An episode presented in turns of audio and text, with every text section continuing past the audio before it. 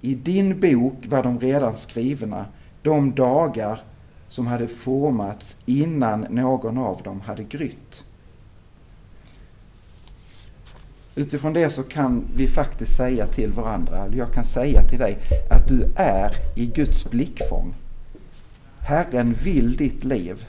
Han har sett det innan du formade, alltså knappast, du fanns liksom inte till i din moders inre och ändå så visste Gud redan om ditt liv. Så du är önskad, du är älskad av honom som är livets ursprung. Han som andades liv och livsande in i den första människan och som fortsätter genom sin ande att blåsa liv i våra liv.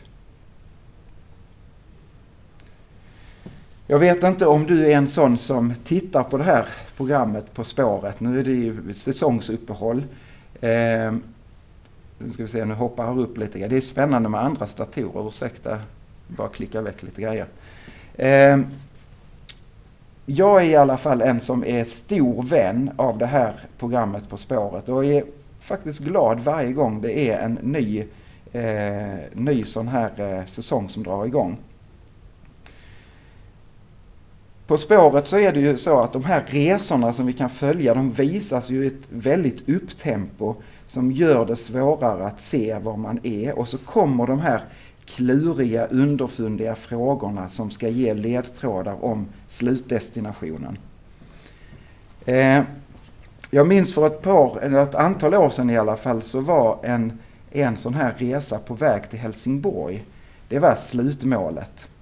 Och eh, man passerade då på resan förbi Ängelholm och körde förbi Ängelholms station. En station som jag har varit på och rest både till och från många gånger. Och det är våra, alltså på något sätt mina, min hemmaplan och mina omgivningar. Ändå så missade jag detta. På grund av att man körde så fort. Så var det som att bilderna blev suddiga, de var svåra att läsa av. Och så tänker jag att det kan vara i livet också. Livet det kan rulla på för snabbt så att det blir på något sätt suddigt och jag, jag får nästan som ett tunnelseende och jag missar var jag finns. Eh, I den här farten som, som livet ibland kan bjuda på så, så tappar jag perspektiv och jag tappar fokus. Därför så tror jag att vi ständigt behöver påminna varandra och påminna oss själva om att dra ner tempot, lyfta blicken och, och någonstans fästa blicken på honom som är vårt ursprung, på Jesus själv.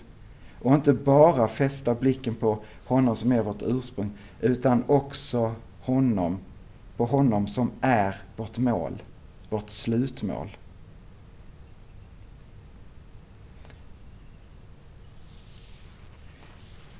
Eh,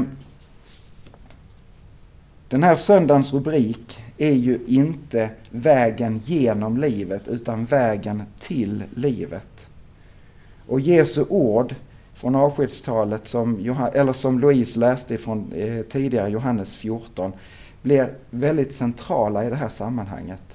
Och Jesus han uttrycker ju där Jag är vägen, sanningen och livet. Ingen kommer till Fadern utom genom mig. Och Jesus talar om vårt slutmål. Fadern, gemenskapen med Gud, närheten med Gud själv. Och så säger han, jag är vägen, sanningen. Han säger inte att jag är en väg bland andra vägar eller en sanning bland andra sanningar.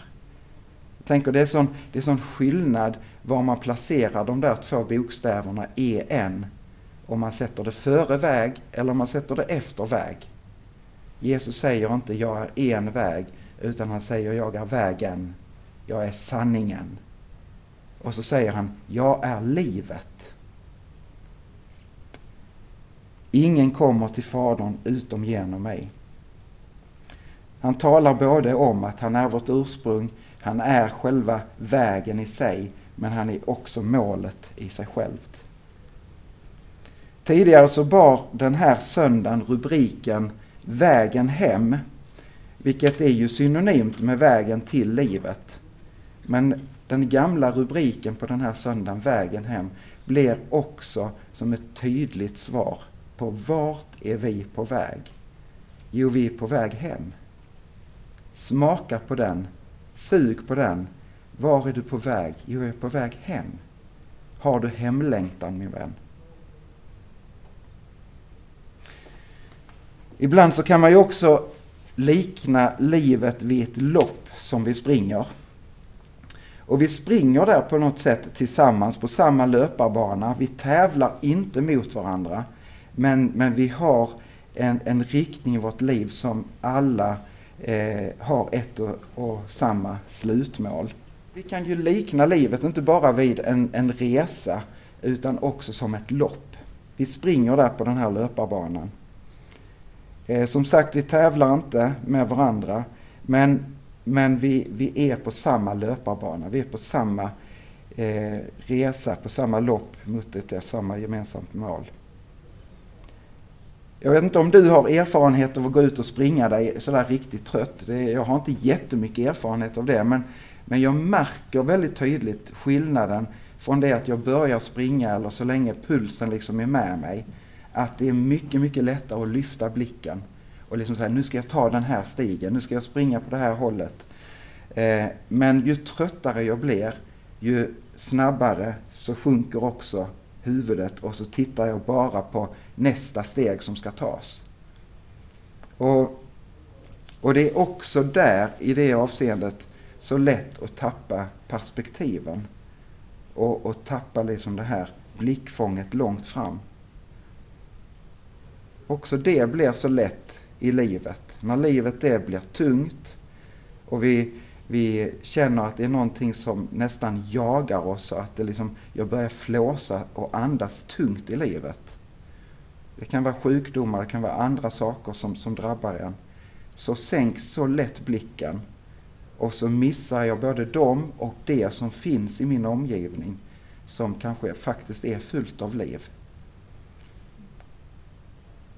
Och det, där tänker jag också att vi verkligen behöver varandra i Hebreerbrevet 11, ett fantastiskt kapitel som man kan läsa i sin helhet som, som eh, handlar om trons hjältar. Och där, där tar författaren, Hebreerbrevets författare upp massor av exempel av, av människor som har fått ett tilltal ifrån Gud, ett levande, friskt tilltal om, om vad Gud ska göra i och genom den människans liv. Eh, men de får många av dem inte se de här profetiorna gå i uppfyllelse. Jag kan läsa ifrån från eh, ett stycke från Hebreerbrevet, elfte kapitel. I tro så dog alla dessa utan att ha fått vad de hade blivit lovade. De hade bara sett det i fjärran och hälsat det och bekänt sig vara gäster och främlingar på jorden. Och så, så fortsätter hon beskriva hur, hur eh, liksom, jag kan inte ta upp alla exemplen av människor som har gått före och haft blicken fäst vid det som Gud har talat om istället för sin liksom, personliga livssituation. Och så kommer vi fram i inledningen av kapitel 12 där, där författaren börjar, fortsätter att skriva så här. När vi nu är omgivna av en sån sky av vittnen, låt oss då även vi befria oss från allt som tynger, all synd som ansätter oss och hålla ut i det lopp som vi har framför oss. Låt oss ha blicken fäst vid Jesus, trons upphovsman och fullkomnare. När man läser de här kapitlen så är det nästan som man kan måla bilden framför sig av att, att vi springer där på löparbanan tillsammans med alla människor på något sätt. Och så har vi trons hjältar och hjältinnor som har gått före oss. Som nu är hemma. Som har fått smaka på vad hemlandet är för någonting. Inte bara smakat utan får äta det fullödigt. Och så är det som att de sitter på läktaren och hejar på dig.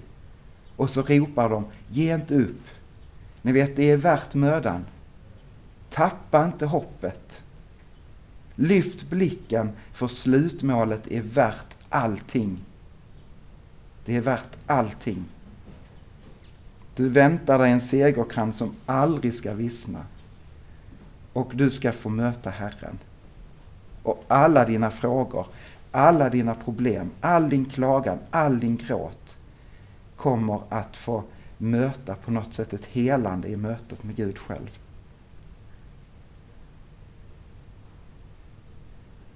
Så återigen, vi delar livet och vi delar slutmålet.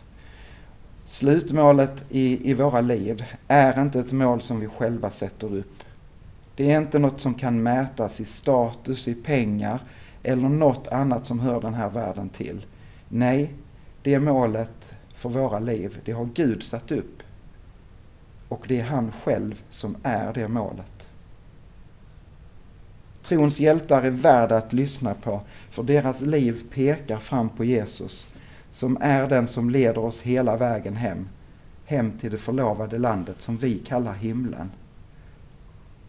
Och det är en tillvaro som Gud längtar efter att få dela med dig. Där, där vi ska få möta Herren öga mot öga.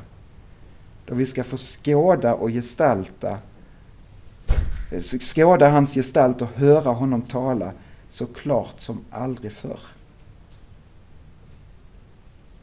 När det går för fort för oss så, så kan det vi få som ett tunnelseende och perspektivet smalnar av.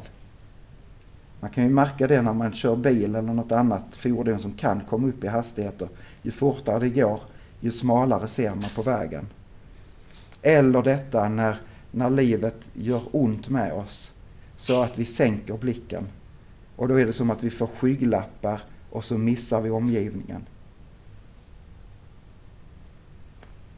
I kärlekens lov i första Korinthierbrevet 13 så skriver Paulus Ännu ser vi en gåtfull spegelbild, men då ska vi se ansikte mot ansikte.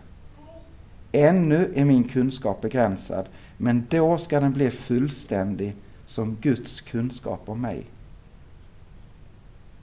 Så glöm inte bort att ständigt lyfta blicken. Påminn dig själv och påminn dem i din omgivning om vad livets mål är. Jesus Kristus. Gud har öppnat vägen hem genom honom. Så att livet inte bara är dagarna som går utan en evighet som består. Ska vi be tillsammans? Tack kära himmelske far för att du är en levande Gud som är intresserad av våra liv. Tack för att du slår följe med oss genom livet. Och att du också står där och välkomnar oss hem. Och Jesus, vi är som gäster och främlingar i detta jordeliv i förhållande till det som väntar oss. En evighet tillsammans med dig som är hel, underbar, full av liv, glädje, frid och allt gott som du vill ge. Jesus, hjälp oss att vara trons hjältar och hjältinnor i det avseendet att vi pekar på dig för varandra och för andra människor. I Jesu namn. Amen.